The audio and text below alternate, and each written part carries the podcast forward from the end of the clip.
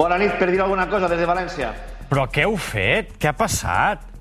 Nosaltres no hem tocat res. Ha sigut un senyor a Singapur, que és el propietari del club, malauradament, per al València, i que, bueno, ha decidit dur a terme una decisió que jo crec que està presa moltes setmanes enrere. Per una volta més, esta gent de Singapur demostra que els temps del futbol és una situació que no va amb ells i ells ha donat igual estar a tres dies del partit contra el Barça en el Camp Nou, els ha donat igual eh, que Marcelino García Toral hagi aconseguit fer una plantilla guanyadora. Eh, tot això és absolutament igual per a la propietat, que no vol empleats eficients, sinó que vol súbdits. Però, escolta'm, eh, no és una decisió en cap cas esportiva, doncs.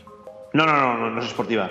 No és esportiva. La, les discrepàncies entre la propietat i, i Marcelino García Toral eh, venen sent eh, bueno, evidents en tot l'estiu.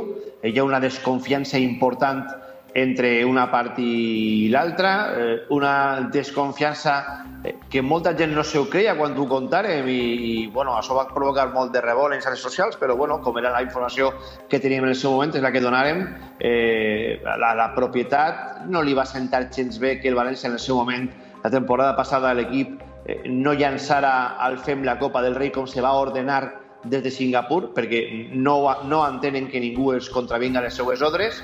No dic jo que no estiguin contents en guanyar la Copa, però el fet de que no se, contra, no se donara eh, eixida ràpida a les ordres de Singapur és una cosa que no va sentar bé i a partir d'ahir aquest ha sigut un dels eh, molts temes que han acabat per eh, obrir una escletxa insalvable.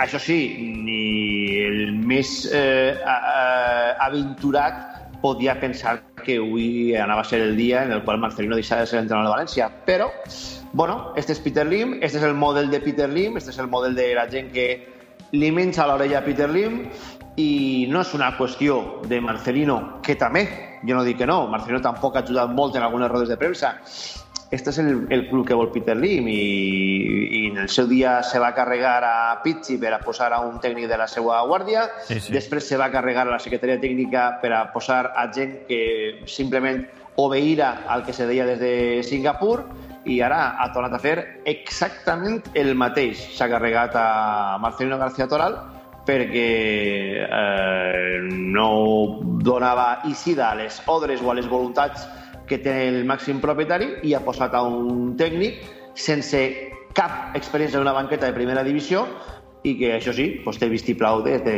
la propietat. Clar, ara podríem entrar aquí en un debat que no tenim temps de... Home, si ho has de fer, fes-ho al juliol, fes-ho a l'agost, però no ho facis a dia 11 de setembre. Però bé, sigui com sigui, l'afició i els jugadors, la plantilla, l'entorn del club, com queda? Enfadat? Descol·locat? Tristos? Eh, contents? Una barreja de tot. Marcelino afonat absolutament a nivell personal. Me conten que ha plorat en el moment que se li comunicava la seva destitució eh, i m'ho conten de, de bona font. Eh, la plantilla molt tocada anímicament, una plantilla que estava a mort amb el seu tècnic Marcelino García Toral. No s'han eh, esperat eh, les eh, reaccions de part dels capitans, entre d'altres, en xarxes socials, agraint a Marcelino el seu treball i desitjant-li tota la sort del món i fins i tot alguna andanada del capità Dani Parejo en un tuit dient alguna així com estem segur o estic segur que tindràs èxit allà on vagis i te deixen treballar. Crec que és eh, un tuit en, molta, en molt de sentit per part del capità del València Club de Futbol i bueno, l'afició molt tocada, molt enfadada, eh, absorta, perquè en un moment donat, quan al principi aquesta gent de Singapur feia aquestes coses, podies entendre que no entenien encara el negoci del futbol, que eren neòfits, però bueno, després d'haver tastat una copa, després d'haver sigut quarts anys consecutius, han tornat a fer la mateixa, ja és una evidència que a aquesta gent li dona absolutament igual eh, a això del futbol i que es venen al seu negoci, que es vingueren a invertir uns diners per a treure una rendibilitat i que ho van a fer al seu parer. Caiga qui caiga i siga qui siga. Es dona absolutament igual, ells van a la seua i ho hem tingut un nou capítol. I a tres dies d'anar al Camp Nou han decidit canviar l'entrenador. Bé, divendres en parlarem, farem la prèvia, tindrem ja un parell de dies d'entrenaments de d'Albert Celades. Doncs bé, ja ens explicaràs com, com ha estat aquest aterratge i com arribarà el València al Camp Nou. Manolo Montal, com sempre, un plaer. Moltes gràcies. El plaer meu, companys.